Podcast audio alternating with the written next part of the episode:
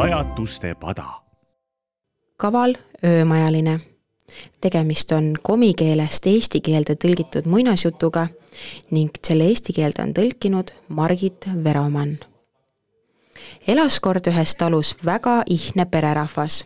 ilmaski ei võtnud nad kedagi öömajale.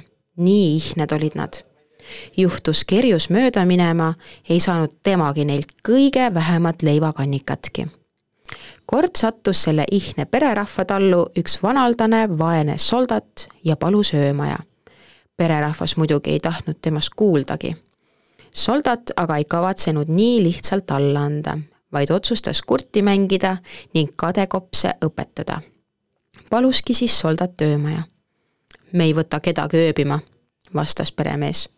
soldat tegi aga nagu poleks kuulnud ning sõnas aitäh, aitäh, lahke pererahvas ja astus Tarre. Tares ütles täidele, perenaisuke, peremees kutsus mind öömajaliseks, võtan siia pingile väheke istet. kae hullu taati, pole me ilmaski kedagi Tarre kutsunud, porises Eit. aitäh, aitäh, armas perenaine, tänas soldat lahkesti. varsti tuli ka taat Tarre. mis sul arus on, taat, et öömajalisi võtad? Pole mina kedagi kutsunud, vastas taat. ise ta tuli. paistab, et on kurt. kui õhtust hakkame sööma, siis ära teda lauda kutsu, pani Eit taadile südamele. ära ütle kohe ühtegi sõna. ja sina ära ka suud paota, kinnitas taat omakorda. Eit pani õhtusöögi lauale.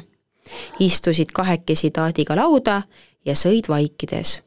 soldat istus omaette nurgas kenast kõhutäiest läks taadimeel mõnusaks ning ta unustas, et käsk oli vait olla. ja ta pöördus soldati poole. kus kandist sa pärit oled? aitäh, aitäh, tänas soldat ning kalpsas laua taha. Heit oli vihane. ütlesin sulle ju, et sa ei räägiks temaga. aga mis see pahandamine enam aitas? tuli ka võõrale söök ette anda. peale õhtusööki sosistas ta Teidele homme hommikul lähen vara metsa, sa küpseta lõunaks pannkooke, aga tee seda siis, kui soldat magab. muidu tahab tema ka veel maiustada. ja ära unusta talt öömaja eest raha küsimast. soldat kuulas heidetaadi jutuajamist muheledes pealt ning mõtles, ei tee mind peta hommikul tõusid peremees ja perenaine varavalges. naine asus kohe kibekiirelt küpsetama taat asutas peagi metsa minema. soldat aga piilus pererahva toimetusi pealt ning kui Eit oli mäekõrguse kohja kooke valmis saanud, astus soldat oma nurgakesest välja ja tegi justkui hakkaks ära minema. Heit kohe soldatil varrukast kinni. maksa öömaja eest ka, nõudis ta. aitäh, kulla perenaine, tänas soldat ning asus himukalt pannkookide kallale. Eit ahastas, öömaja eest ei maksnud ja nüüd vitsutab kõik koogid ka veel nahka. mis? hüüatas soldat. et võin need ülejäänud koogid teemoonaks kaasa võtta?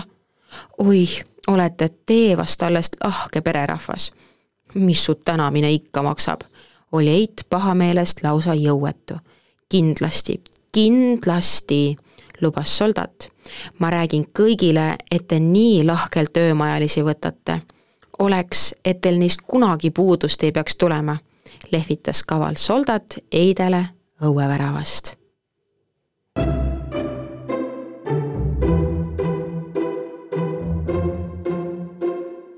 pajatuste pada